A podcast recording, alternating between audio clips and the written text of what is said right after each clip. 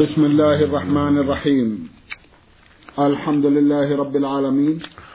والصلاة والسلام على نبينا وسيدنا محمد وعلى آله وصحبه وسلم. مستمعي الكرام السلام عليكم ورحمة الله وبركاته.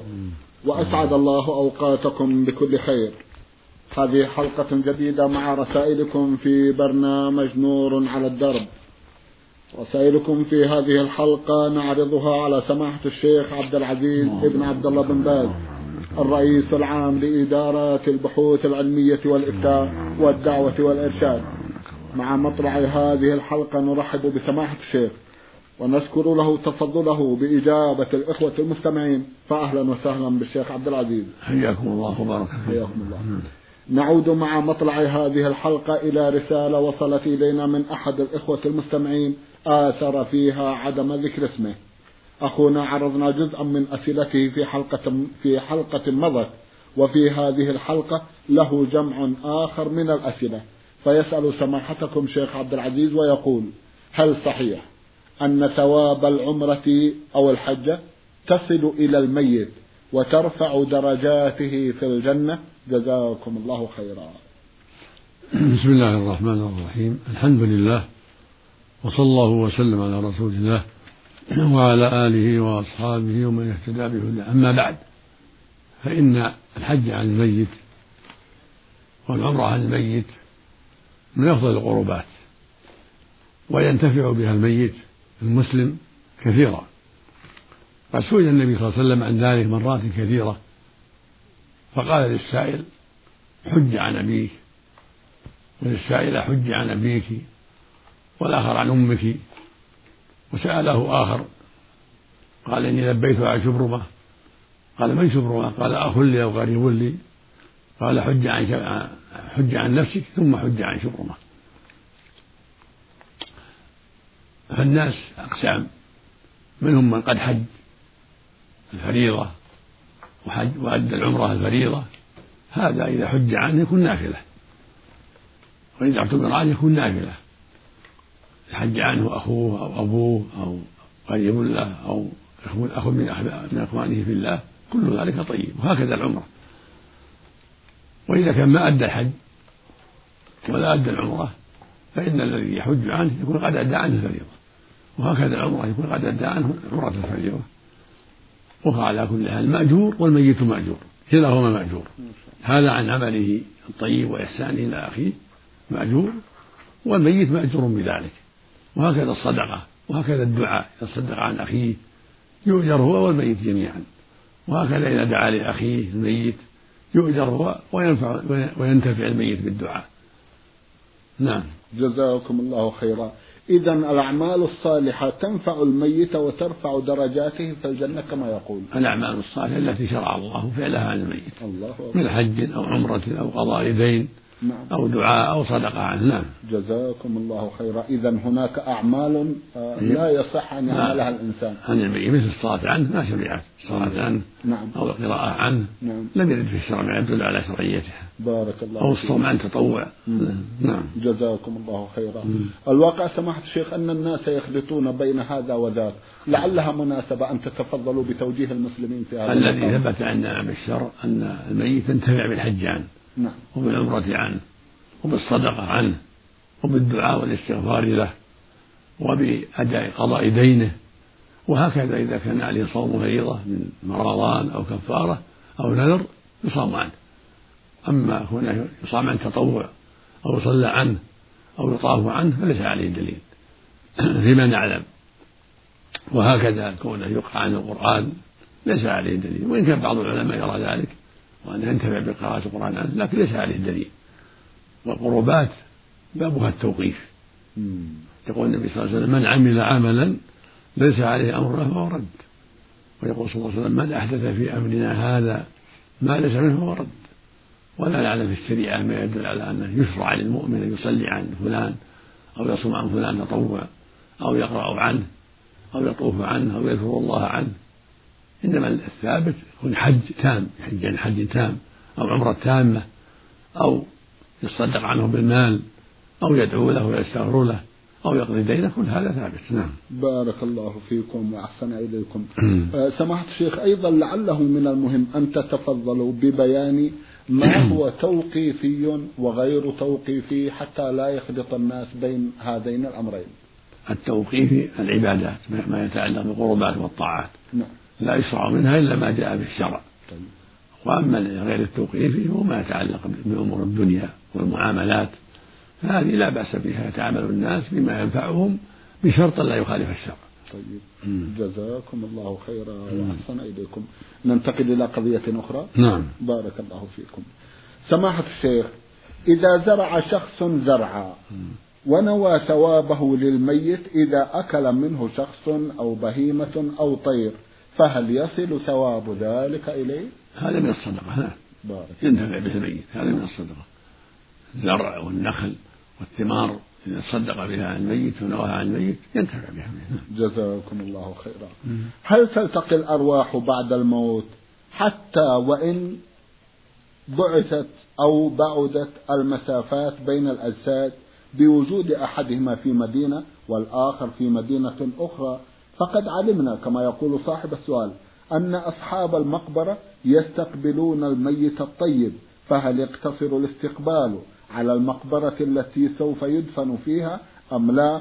وقد علم ذلك أيضا قد علم ذلك الاستقبال من الرؤى لعدة أشخاص. جزاكم الله خيرا. أما من حيث الأدلة الشرعية فلا أعلم في الباب شيئا من الآيات ولا من الأحاديث يدل على تلاقي الأرواح. وأنها تتعارف وتتلاقى وتتساءل. أما المرائي فكثيرة. المرائي رؤيا المؤمنين المرائي كثيرة في تلاقي الأرواح واستبشارهم بروح المؤمن. إذا كانوا مؤمنين يستبشرون بروح المؤمن والكفار كذلك يسوءهم ما يحصل لهم من أرواح أخرى تذهب إلى النار. هذه المرائي كثيرة. وكذلك مرائي تدل على أن الميت قد يبين لأهله أشياء قد لم يذكرها لهم. قد يقول إن علي دين لفلان ثم يسأل فيصدق قد يقول تجدونه في المحل الفلاني كذا فيجدونه. قد يأتي بأشياء في المرائي تصدق يصدقها الواقع. هذا واقع في المرائي. نعم. نعم. وقد حدثنا بهذا كثير من الثقات. بأنه رأى أباه أو رأى أخاه أو رأى فلان فقال أعطوا فلان عني كذا وكذا أعطوا فلان عني كذا وكذا لأنه يطلبني كذا وكذا. فيسألون الشخص فيقول نعم إني أطلبه كذا وكذا. هذا وقع في مرائي كثيرة. وليس وليس هذا من بعيد وهو ممكن نعم. جزاكم الله خيرا وأحسن إليكم.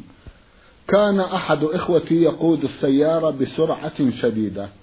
وأخي الثاني جالس إلى جوار حائط المنزل فقدر الله أن تندفع السيارة تجاهه وقد أحدث ذلك إصابات بليغة توفي على إثرها في الحال دون أن ينطق بأي كلمة.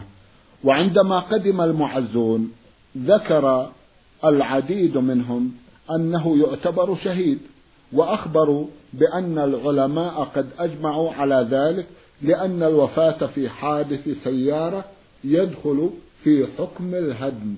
فهل صحيح أنه شهيد؟ نرجو ذلك. اللهم الأقرب والله أعلم أنه في حكم الشهيد.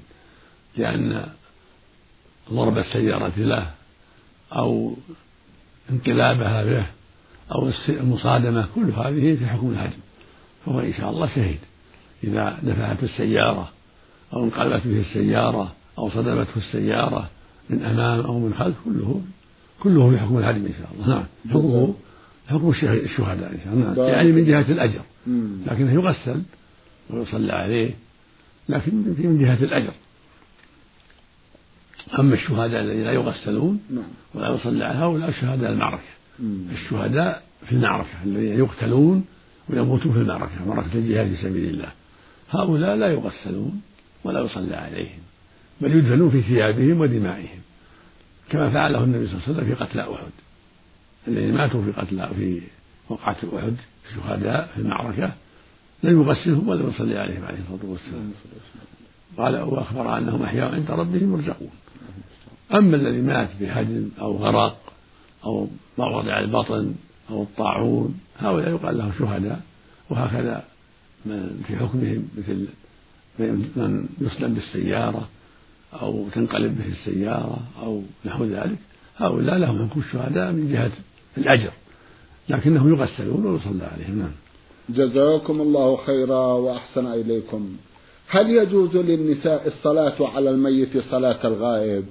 علما بأن الميت قد مضى على وفاته شهر ونصف أو ما يشبه ذلك. مع العلم أيضا أنهن لم يستطعن الحضور للصلاة عليه أبدا.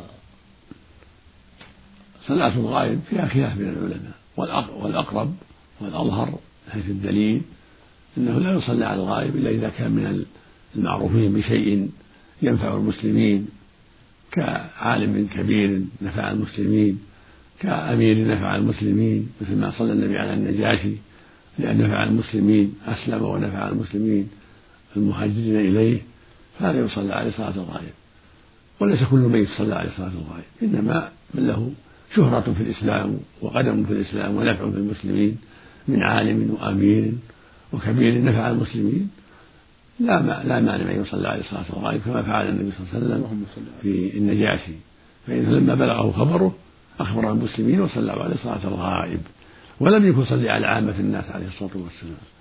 فإذا كان الذي مات مشهورا بالعلم والدعوة إلى الله أو مشهورا بنفع المسلمين بماله وجاهه ونفع المسلمين من سلطان أو أمير أو شبه ممن له قدم في الإسلام فإذا صلى عليه مسلم صلاة الغائب فلا مانع أن تصلي يصلي عليه النساء كذلك. مثل ما يصلي عليه الرجال. نعم. جزاكم الله خيرا وأحسن إليكم. من دولة قطر المستمع عبد الله إبراهيم عبد الله الهدم ندوي. أخونا له أسئلة؟ من بينها سؤال يقول والدي توفي ولم يحج وأنا لم أحج أيضا فهل لي أن أحج عنه أم أبدأ بنفسي؟ جزاكم الله خيرا. تبدأ بنفسك تحج عن نفسك أول ثم تحج عن أبيه وأنت على خير وأنت مأجور جزاك الله خير. لكن تبدأ بنفسك. نعم. جزاكم الله خيرا. أنا من المقيمين في قطر ولست من أهلها. هل لي أن أبعث بصدقة الفطر إلى بلدي أم أدفعها حيث أنا مقيم؟ جزاكم الله خيرا. تدفع صدقة الفطر في المحل اللي أنت فيه. تخرج زكاة الفطر في محلك في قطر في الفقراء عندك. لا ترسلها إلى بلدك. نعم. جزاكم الله خيرا وأحسن إليكم. بعد هذا رسالة وصلت إلى البرنامج من أحد الإخوة المستمعين لم يذكر فيها اسمه. إنما له جمع من الأسئلة. يسأل سماحتكم فيقول ما رأي سماحتكم في من يريد أداء الحج حج الفريضة وعليه ديون. أيها أولى سداد هذه الديون أم أداء الحج والعمرة؟ جزاكم الله خيرا. يبدأ بالدين فيقضيه لأن قضاء الدين متحتم يلزمه أن يقضي الدين والحج لا يلزمه إلا إذا استطاع بعد قضاء ديونه. فالواجب البداء بقضاء الديون وتسديدها ثم إذا فإذا فرغ من قضاء الدين يحج. المقصود لا يلزمه الحج ولا يشرع له الحج حتى يقضي دينه يبدأ بأهل الدين. إلا إذا كانوا محصورين وسمحوا سمحوا له فلا بأس. إذا كانوا محصورين معروفين وسمحوا له أن يحج ويؤجل دينهم فلا حرج في ذلك. جزاكم الله خيرا. ما رأي سماحتكم في من اشترى منزلا أو شقة بالتقسيط؟ هل ما تبقى عليه من باقي الثمن يعتبر دينا؟ نعم إذا اشترى شقة أو سيارة أو أرضا بالتقسيط فما قدمه معلوم وما بقي في ذمته يسمى دينا ويسمى غارما إذا كان عاجزا يعطى من الزكاة. نعم. جزاكم الله خيرا. ما رأي سماحتكم في من يتقاضى أجرا عما يقوم به من الدعوة إلى الله وتحفيظ القرآن الكريم؟ لا حرج في ذلك. المعلم يعطى على تحفيظ القرآن وتعليم القرآن والدعوة إلى الله عز وجل. يحتاج لأن هذه الأمور تحتاج إلى أوقات وكلفة ومشقة. فإذا أعطي من بيت المال أو من أوقاف المسلمين أو من بعض المحسنين ما يعينه على التعليم والتحفيظ والدعوة إلى الله أو التدريس كله طيب لا حرج فيه.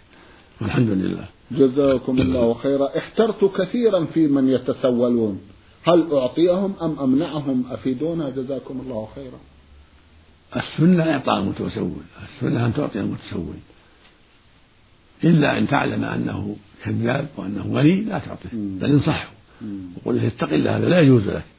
أما إذا كنت تعرف تعرف أنه فقير. أو تجهل حاله لا تعرف حاله فالسنة أن تعطيه. لقول الله عز وجل في وصف المؤمنين وفي أموالهم حق للسائل والمحروم. والآية الأخرى وفي أموالهم حق معلوم للسائل والمحروم. فالسنة أن تعطي السائل وتحسن إليه. ما دمت لا تعرف عنه أنه كذاب وأنه غني.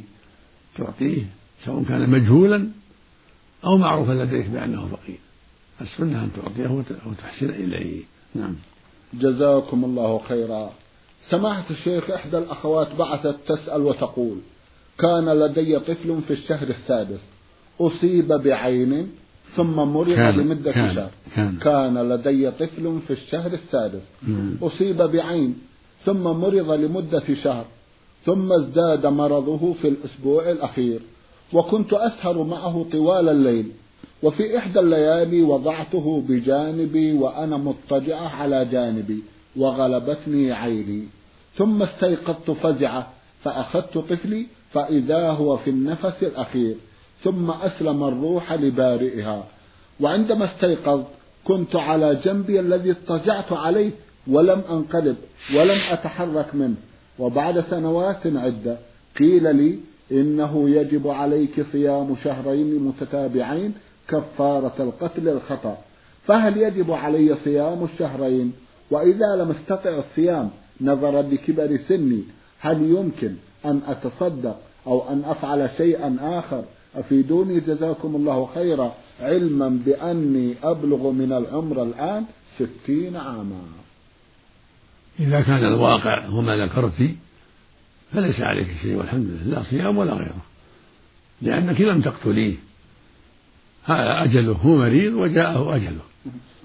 أما إذا كنت تعلمين أنك غطيتيه نمت عليه يعني صار صدرك عليه حتى مات أو فعلت شيئا يوجب موته فعليك عتق رقبة مؤمنة عتق عبد ولا عبده. فإن عجزت صومي شهرين متابعين ستين يوما.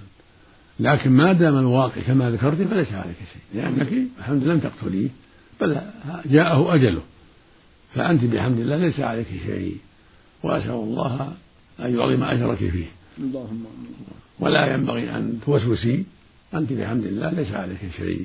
ما دام الواقع مثل ما ذكرت. نعم. جزاكم الله خيرا وأحسن إليكم. م. تقول قرأت في كتاب عن أسماء بنت يزيد أن رسول الله صلى الله عليه وسلم قال أيما امرأة تقلدت قلادة من ذهب قلدت في عنقها مثلها من النار يوم القيامة. وأيما امرأة جعلت في أذنها قرصا من ذهب جعل الله في أذنها مثله من النار يوم القيامة. رواه أبو داود والنسائي. وعن أخت لحذيفة أن رسول الله صلى الله عليه وسلم قال يا معشر النساء أما لكن في الفضة ما تحلين به؟ أما إنه ليس منكن امرأة تحلي ذهبا تظهره إلا عذبت به. رواه أبو داود والنسائي وإسناده ضعيف فما قول سماحتكم في هذه الأحاديث وما هو توجيهكم لنا؟ جزاكم الله خيرا. هذه الأحاديث التي فيها النهي عن لبس الذهب بعضها ضعيف وبعضها منسوخ. بعضها ضعيف وبعضها منسوخ. قد أجمع المسلمون على حل الذهب للنساء وتحريمه على الرجال فلا حرج في ذلك والحمد لله. هنا تلبس قلادة من الذهب أو أسرة من الذهب أو خاتم من الذهب كل هذا لا حرج فيه في حق النساء. لقوله صلى الله عليه وسلم في الحديث الصحيح أحل الذهب والحرير لإناث أمتي وحرم على ذكورهم. فالذهب والحرير مباحان للنساء ومحرمان على الذكور. قد جاءت إليه امرأة قالت رسول الله جاءت امرأة وعليها مسكتان من ذهب فقال النبي صلى الله عليه وسلم أتعطينا زكاة هذا؟ قال لا. قالت لا. قال أيسرك أيسرك الله بهما يوم القيامة سوارين من نار فألقتهما وقالتهما لله ولرسوله. فلم ينكر عليها اللبس وإنما أمرها بالزكاة. فالمقصود أن أن الأسوأ من الذهب وهكذا القلائد وهكذا الخواتم وهكذا الأقرطة كلها مباحة للنساء عند أهل العلم. وهو إجماع منهم. ليس في ذلك إلا خلاف شاذ لا يعول عليه. فلا ينبغي لأحد يشك في هذا الأمر. فالذهب والحرير حل للإناث حرام على الذكور وما جاء في بعض الأحاديث من تحريم الذهب على النساء فهو ضعيف أو منسوخ بالأحاديث الصحيحة الأدلة الواضحة الدالة على حله للنساء. وأن الله حبه الذهب والحرير للنساء دون الرجال. هذا هو المعتمد الذي عليه أهل العلم وهو الحق. نعم. جزاكم الله خيرا وأحسن إليكم. سماحة الشيخ أمامي رسالة بعثها أحد الإخوة المستمعين يقول في نهايتها حرره طالب علم. ما حرره طالب العلم هذا كله ملاحظات على بعض الأئمة في المساجد وعلى بعض المؤذنين. وحتى لا نضيع الوقت في مناقشة هذه القضية سماحة الشيخ. يتلخص ما يقوله أخونا في أن بعض الأئمة لا يسكن في الحي الذي يؤم الناس فيه ثم إن بعضهم يتخلف وبعضهم ينيب غيره عنه وهكذا. وملخص ما في هذا الموضوع سماحة الشيخ طلب التوجيه لأئمة المساجد ويا حبذا لو تفضلتم بتوجيه المأمومين أيضا. حتى ما يخفف اللوم على الأئمة والمؤذنين. جزاكم الله خيرا. سوف نفعل إن شاء الله. سوف يكتب لمعالي وزير الحج والأوقاف في هذا الأمر حتى يعمموا على الأئمة بالعناية بالصلاة وأن لا يتأخروا عن وقت الصلاة. ومن له عذر يجعل له نائبا إذا تأخر ينوب عنه حتى لا يتعطل الناس.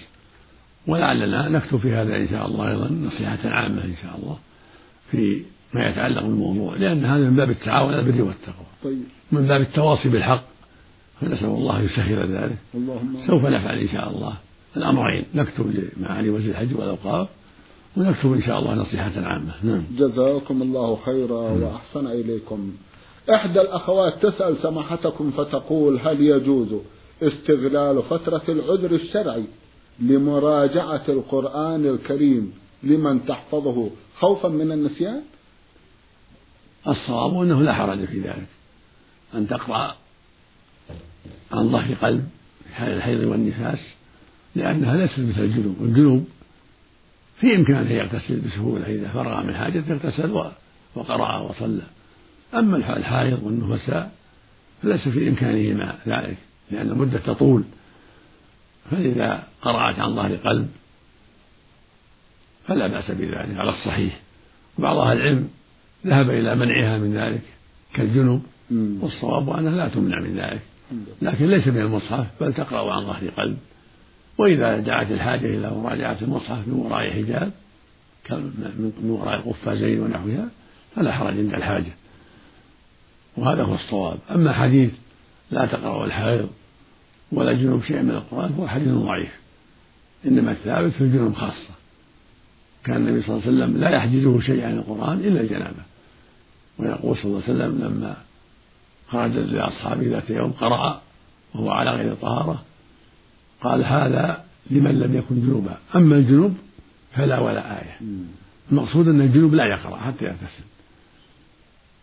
أما الحائض والنفساء فمدتهما تطول والصحيح من قول العلماء أنه لا بأس أن تقرأ الحائض والجنوب عن ظهر قلب لأن المدة تطول وفي ذلك مشقة وحرج وتوفيت لمصالح كثيرة في حق الحائض والنفساء بدون دليل. نعم. جزاكم الله والقياس لا يصلح. قياس الحائض والجنوب لا يصلح. مم. لأن الجنوب مدته لا تطول وفي إمكانه الغسل متى فرغ من حاجته.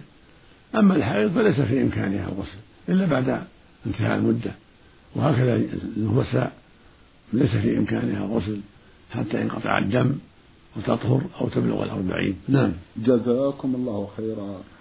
ورد عن الرسول صلى الله عليه وسلم رحم الله امرأ صلى قبل العصر أربعا هل تجب المداومة عليها للحصول على الرحمة أم لا؟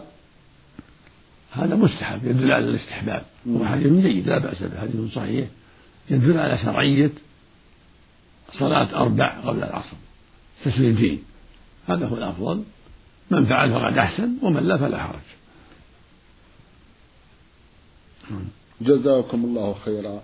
ما قول سماحتكم فيما بلغت في سن صغيرة ولم تتعرف على أحكام الدين وأمور الشرع المتعلقة بها بالقدر الذي وصلت إليه من المعرفة بها حاليا.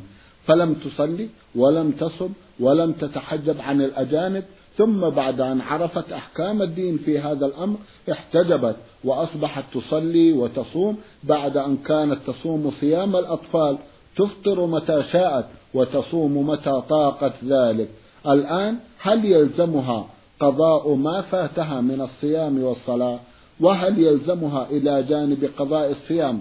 صدقة. وإذا كان هناك صدقة فما مقدارها علما بأن الفترة التي أمضتها وهي جاهلة بأحكام الشرع ولا تلتزم بها سنتان ونصف. جزاكم الله خيرا.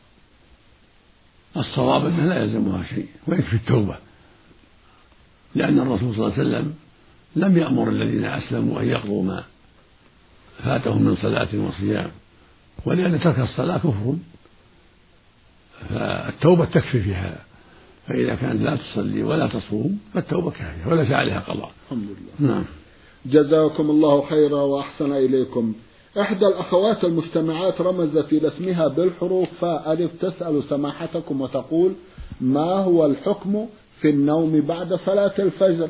وهل يقسى القلب؟ وهل يعتبر من المنكرات؟ جزاكم الله خيرا. ليس في النوم بعد الفجر حرج ولا حرج ولا نعلم فيه بأسا. وما اشتهر بين الناس أنه غير طيب وأنه كذا وأنه ليس عليه دليل يعتمد. فالنوم بعد الفجر لا حرج فيه وبعد العصر لا حرج فيه. لكن من جلس بعد الفجر في مصلاه يقرأ ويستغفر الله ويسبح ويهلل ونحو ذلك حتى ترتفع الشمس يكون هذا أفضل. كفعل النبي عليه الصلاة والسلام. ومن ترك فلا حرج عليه. من ترك فقام إلى حاجاته أو نام أو اشتغل بأشياء أخرى فلا بأس عليه. نعم. جزاكم الله خيرا. ما هو حكم تغميض العينين في الصلاة؟ إذ أني أغمض عيني لأني أخاف أن أنظر إلى هنا وهناك وأنشغل عن أمور الصلاة. جزاكم الله خيرا. التغميض في الصلاة مكروه وليس من السنة. السنة يفتح عينيه وينظر ولا حرج لكن يطرحها في موضع سجوده يكون بصره إلى موضع سجوده حتى يخشى. هذا هو السنة. أما التغميض فلا يشرع بل هو مكروه. بل قال بعض أهل العلم إنه من عمل اليهود. نعم. جزاكم الله خيرا. أرجو أن تدلونا على أسباب الهداية. جزاكم الله خيرا. الهداية لها أسباب.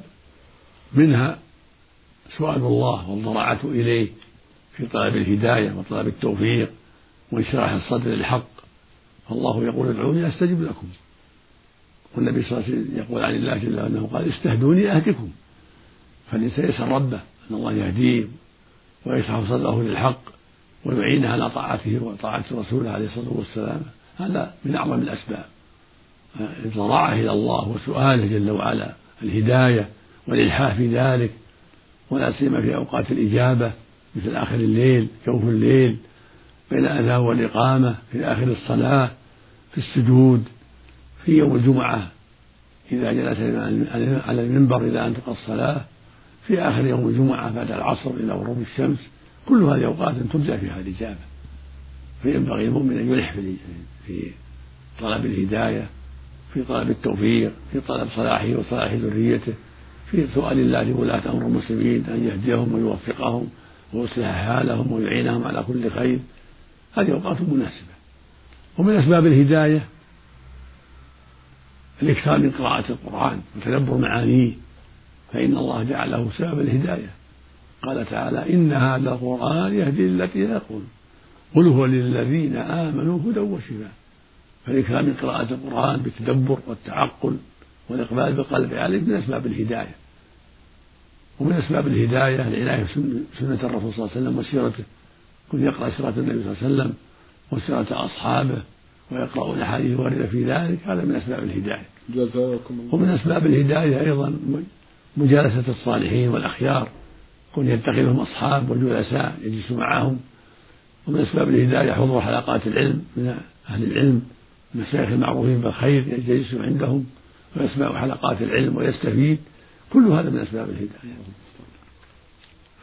جزاكم الله خيرا وأحسن إليكم سماحة الشيخ في ختام هذا اللقاء. أتوجه لكم بالشكر الجزيل بعد شكر الله سبحانه وتعالى على تفضلكم بإجابة الإخوة المستمعين.